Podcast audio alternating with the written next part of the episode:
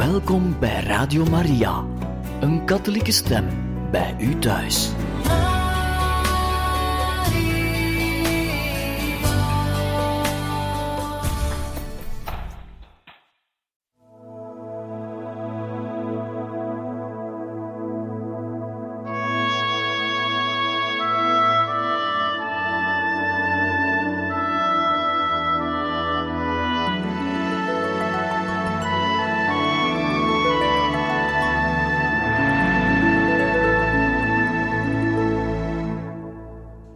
Beste luisteraars van Radio Maria, goede vrienden, hier zijn we weer voor een volgende uitzending van Heiligen Getuigen.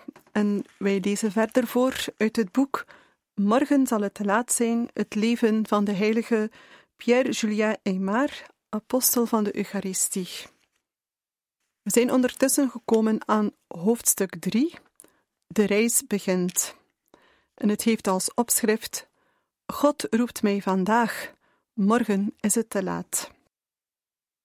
Seminarie en priesterschap. Met de dood van zijn vader erfde Pierre Julien het huis en het familiebedrijf. Maar beide interesseerden hem niet. Het enige wat hij wilde was, zoals altijd, het voortzetten van zijn studie voor het priesterschap. Daarom liet hij alles in handen van zijn zus Marianne, dan 32 jaar oud.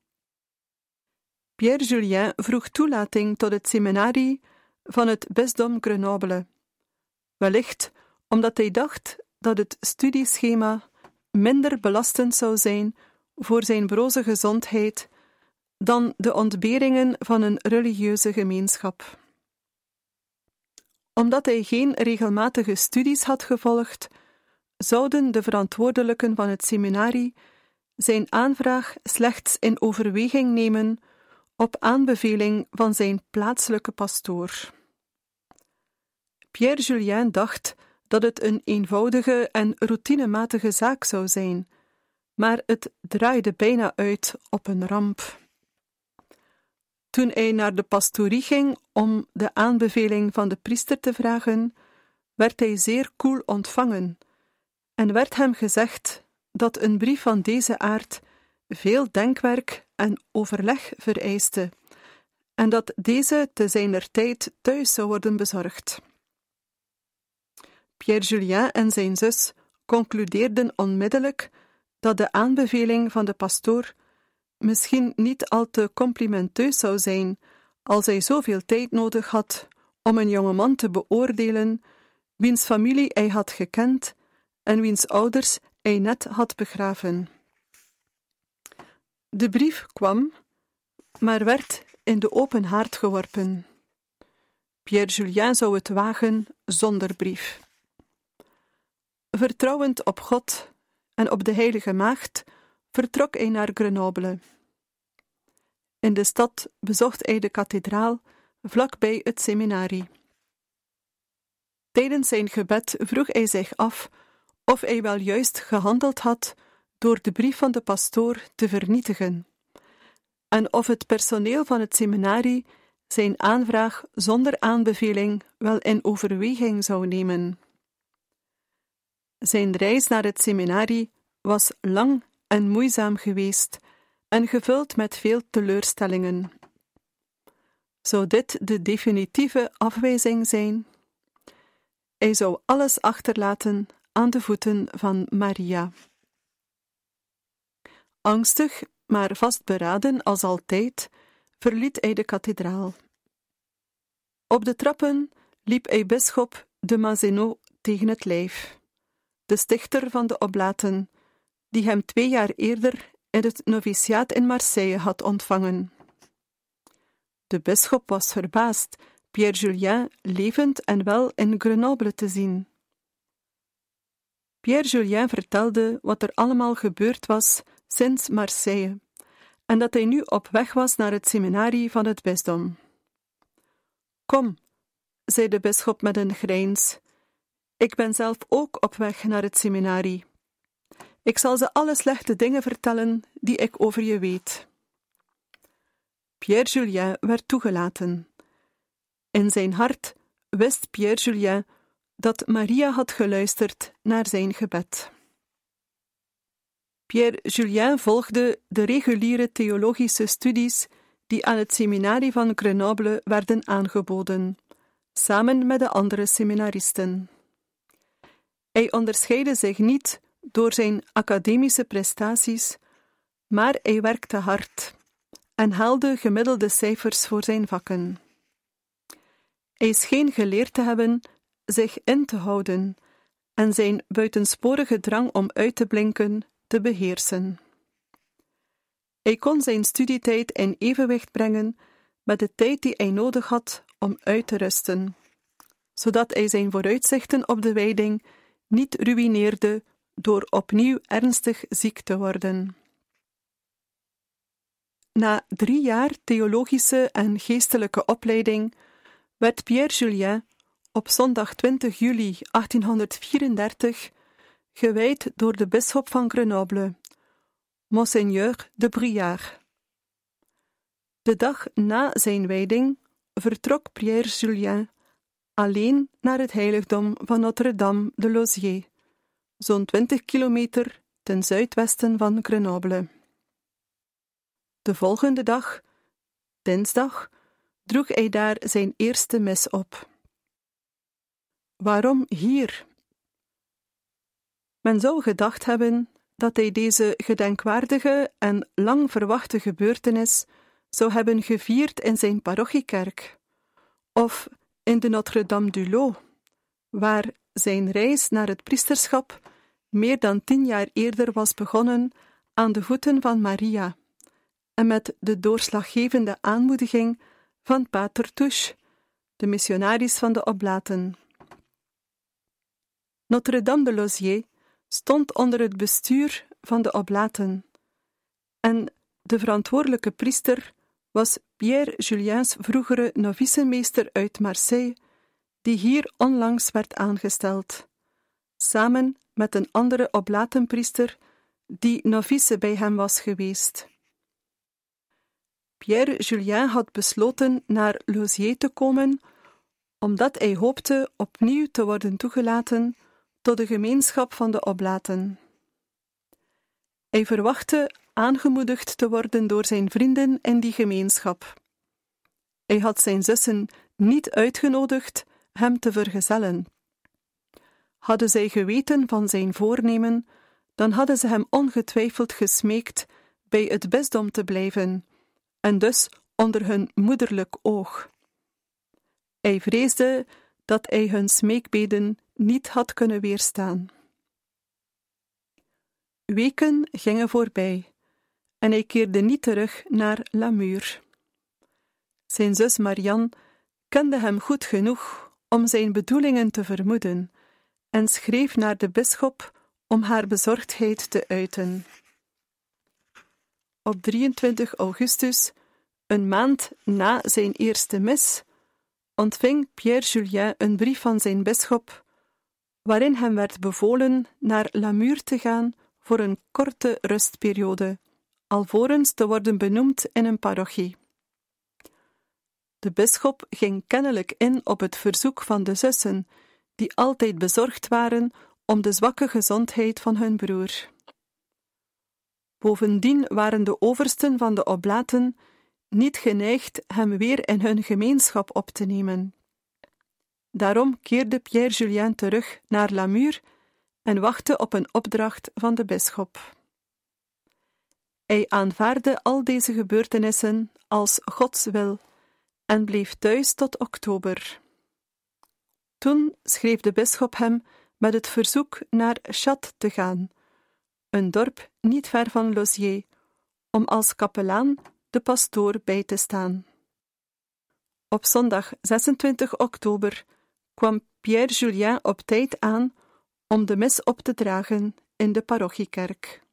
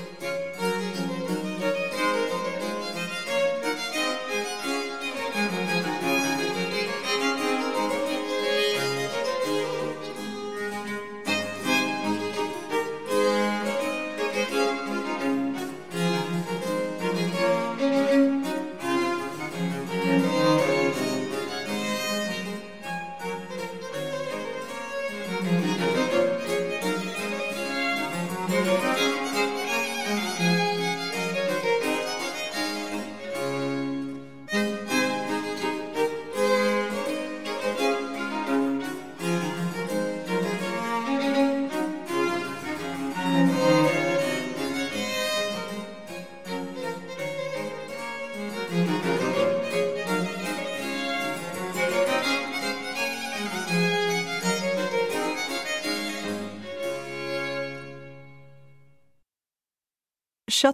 en Montenaar.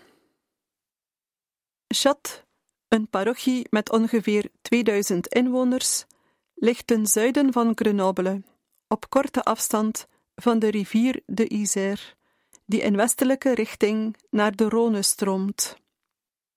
De parochianen waren vroom in het praktiseren van hun geloof. Hier vervulde Pierre Julien als pasgewijde priester alle taken die van een kapelaan werden verwacht. Hij preekte, hoorde biecht, deed aan catechisatie en droeg de mis op, vaak aan het Maria-altaar.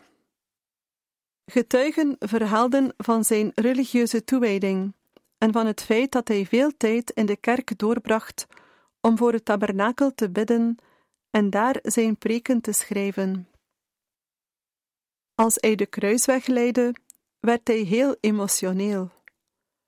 Eens liep hij zelfs van de preekstoel af zonder de gebeden te kunnen beëindigen. Pierre Juliens gezondheid bleef precair. Soms was hij bedlegerig en hoestte hij bloed op. Wegens zijn lichamelijke achteruitgang was de zus en huishoudster van de pastoor er niet happig op om deze invalide man in de pastorie te houden. Ze was bang dat hij tuberculose had opgelopen, een ziekte waarmee Pierre Julien zeer waarschijnlijk in Marseille had geworsteld en waaraan hij in Lamur bijna was overleden. Ze vreesde dat hij de slaapkamer die hij bewoonde zou besmetten. De pastoor kon haar voortdurende gezeur niet verdragen en werd onder druk gezet om de situatie op te lossen. Na twee en een half jaar de parochie te hebben gediend, werd Pierre Julien in juli 1837 door de bisschop overgeplaatst als pastoor naar een kleine kerk op korte afstand van Lamur.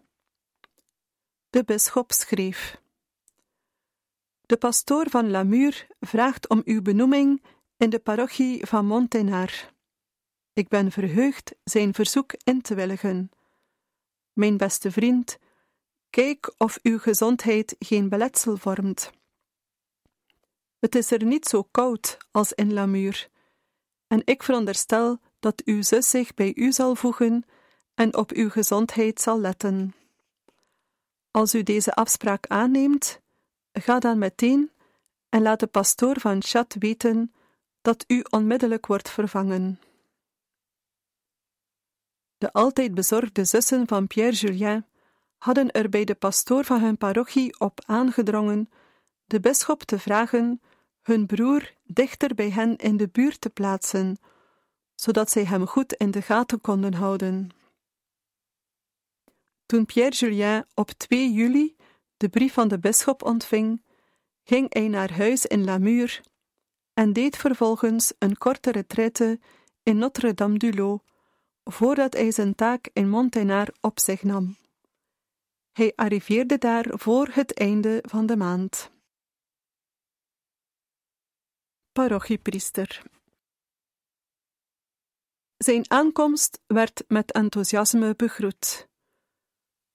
Montenaar, minder dan twaalf kilometer ten noorden van Lamur, ligt hoog op een bergrug met een spectaculair uitzicht op de vruchtbare vallei beneden, waar de rivier de Drak doorheen kronkelt.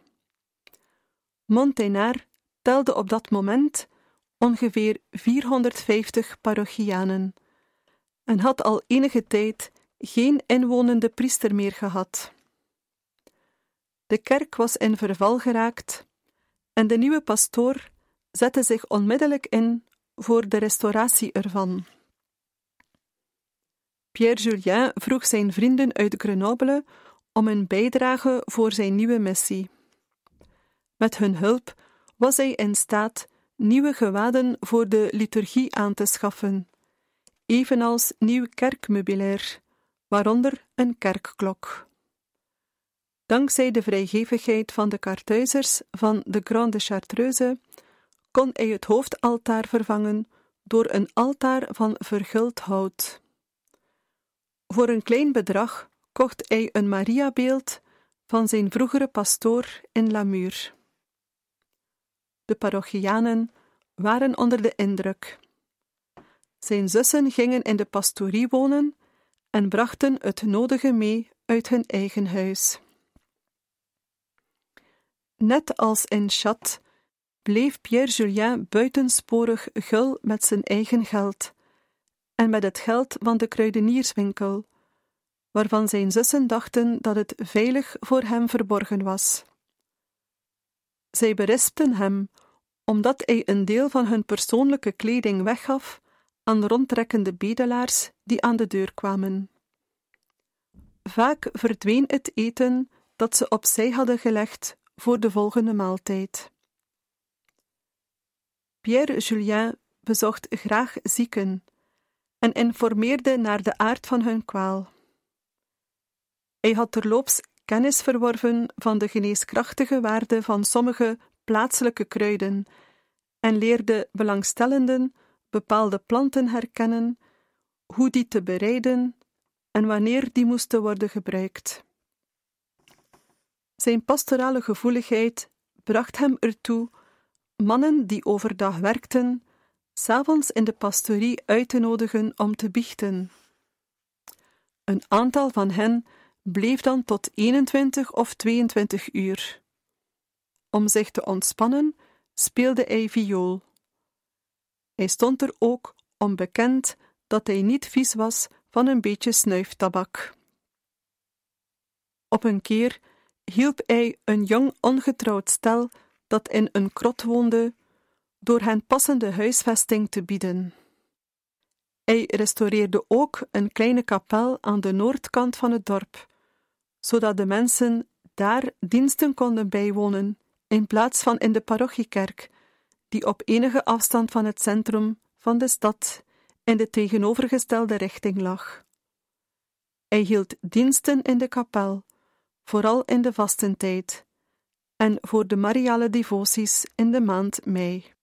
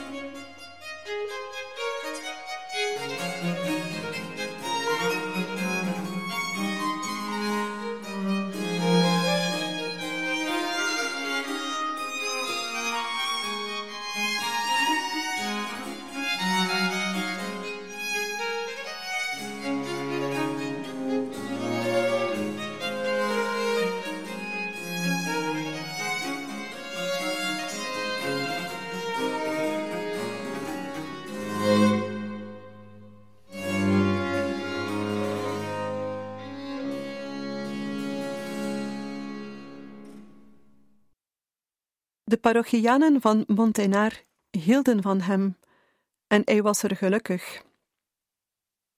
Een interessant aspect van zijn parochiewerk was het programma dat hij ontwierp om de kinderen catechisatie te geven door hen Bijbelverhalen te vertellen die tot de verbeelding spraken en die ook dienden om belangrijke religieuze lessen te introduceren voor de volwassenen die de kinderen begeleiden.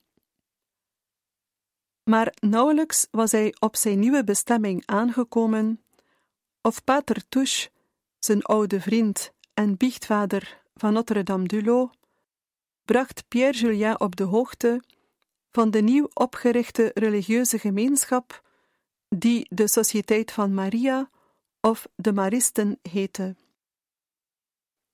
Dat nieuws sloeg in als een bom.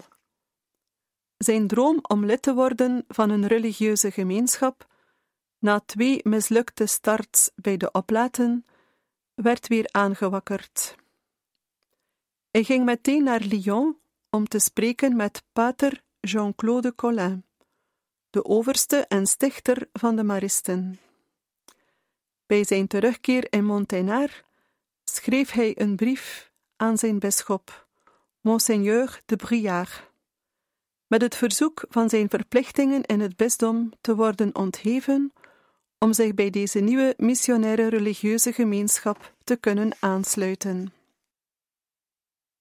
In afwachting van het antwoord van de bisschop stuurde hij een brief aan een vriend, Pater Dumollard, gedateerd 4 oktober 1838. Nu ik overtuigd ben van mijn roeping, lijkt het me dat niets me meer kan tegenhouden. Reeds tweemaal heb ik het offer gebracht zonder het te kunnen volbrengen. De derde keer hoop ik dat het eeuwig zal duren. Zelfs als ik wist dat ik onderweg zou sterven, hoe gelukkig zou ik dan zijn? Zelfs als ik er geen ander voordeel uit zou halen dan dat van je broer, te sterven in een religieus huis. Pierre Julien kreeg antwoord van de bisschop. Ik geloof, mijn beste vriend, dat de goede God u bezig wil zien in missies in ons bisdom, onder het beschermheerschap van de heilige Franciscus Regis. Richt u volledig op dit belangrijke werk, waar God zoveel eer uitput, door uw geest voor te bereiden door middel van studie en uw hart door gebed, nederigheid en onthechting van de wereld. Werk ook aan uw gezondheid. De missies vereisen een grote ziel en een robuuste gezondheid. De bisschop zei dus met zoveel woorden dat, als Pierre Julien missiewerk wilde, hij dat in het bisdom kon vinden. Ondertussen schreef pater Colin hem: Ik keur uw wens goed. Beschouw uzelf als in het noviciaat. Nu was hij echt in dubio. Hij was welkom bij de Maristen, maar zijn bisschop wilde hem niet laten gaan. Hij wilde niet halstarrig lijken tegenover zijn meerderen, maar de aantrekkingskracht van het religieuze leven was ongevraagd en met zoveel kracht teruggekeerd dat hij die niet kon negeren. Intussen schreef Pater Colin op 4 mei 1839: De tegenstand die God toelaat, des te pijnlijker omdat ze van zo'n vooraanstaande bron komt, zal uw vastberadenheid versterken. Nogmaals, ga met gepaste eerbied in verzet tegen de bisschop. God zal u verhoren. Alvorens dit advies op te volgen, bereidde Pierre Julien, altijd vindingrijk, het terrein voor door de hulp van de vicaris-generaal in te roepen, om namens hem tussen beiden te komen. Nu was Pierre Julien klaar om zijn bisschop te confronteren. Hij schreef: Geef de Sociëteit van Maria deze arme priester als eerste vrucht van uw bisdom. Hij heeft geen nut voor u en is zo zwak als een rietje. De heilige maagd zal blij zijn met dit schamele offer, hoe onbeduidend het ook is. Het antwoord van bisschop de Bruyère kwam op 4 juli. De beproeving heeft lang genoeg geduurd. Ga de weg op die God voor u heeft uitgekozen, en werk voor uw heiliging en die van anderen. Ik zal ervoor zorgen dat u vervangen wordt. Marianne dacht dat haar broer zich wilde aansluiten bij het missieproject van het bisdom, zoals de bisschop had voorgesteld, en ging naar Grenoble om de bisschop te smeken dit niet te laten gebeuren. De bisschop legde uit dat dit helemaal niet het geval was en dat de situatie erger was dan zij dacht. Terwijl ze in Grenoble was, bereidde Pierre Julien zich al voor op de komst van zijn vervanger, die op zondagavond 18 augustus zou arriveren. Niemand in Montenaar wist van zijn plan om te vertrekken. Om de pijnlijke scène te vermijden die zijn vertrek zeker zou veroorzaken, huurde hij een muzikant in om na de zondagsmis bij de ingang van de kerk te spelen. Dat moest de mensen afleiden terwijl Pierre Julien de stad verliet. Hij had van de afwezigheid van zijn zus geprofiteerd om zijn koffers te pakken en ze de avond tevoren te laten weghalen. Na de mis ging hij snel naar de pastorie en vertrok vandaar om de koets te halen die hem naar Grenoble zou brengen voor een laatste bezoek aan zijn bisschop. Op weg naar de koets ontmoette hij echter zijn zus en haar vriendinnen, die juist op dat moment uit Grenoble terugkwamen. Ze had het hele verhaal van de bisschop gehoord en er zat voor haar niets anders op dan haar broer te smeken tenminste nog één dag met haar door te brengen. Zijn antwoord op haar smeekbede was: God roept mij vandaag. Morgen zal het te laat zijn.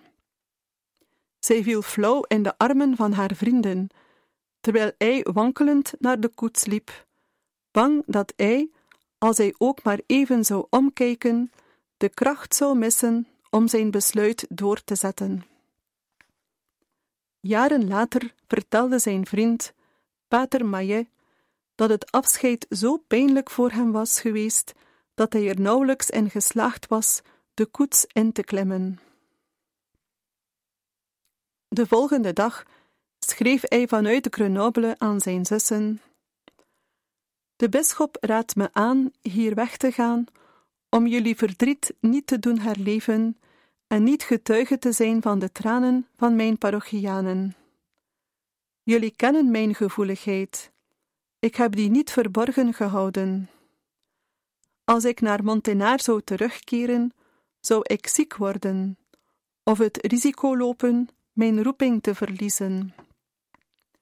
Moge Gods heilige wil geschieden.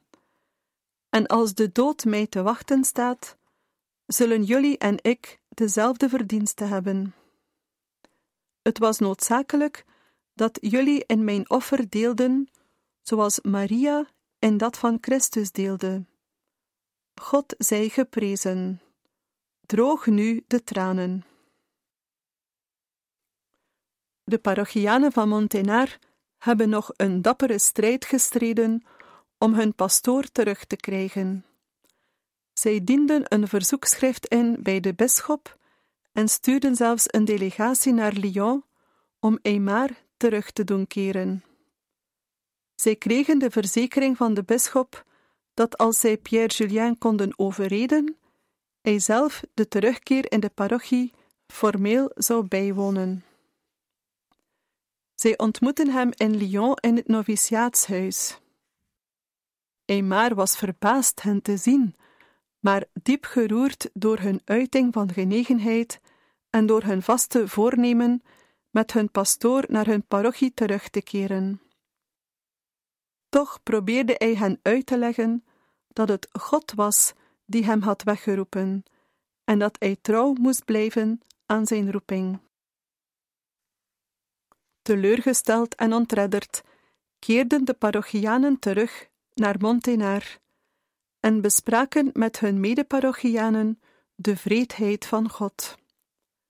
Ze hadden zo lang geen priester gehad, en toen stuurde hij iemand die zich om hen bekommerde, die naar hen luisterde en hen de absolutie gaf. Maar toen ze aan hem gehecht waren geraakt, had God hem weggerukt. Zij waren weer alleen, maar niet meer zoals ze waren geweest voordat Eimar in hun leven was gekomen. Want hij had Gods liefde en vergeving getoond tijdens zijn zorg voor hen. Beste luisteraars, wij beëindigen hier voor vandaag het voorlezen uit het boek Morgen zal het te laat zijn, het leven van de heilige Pierre-Julien Aymar, de apostel van de Eucharistie. We danken u heel hartelijk voor het luisteren en graag tot een volgende keer.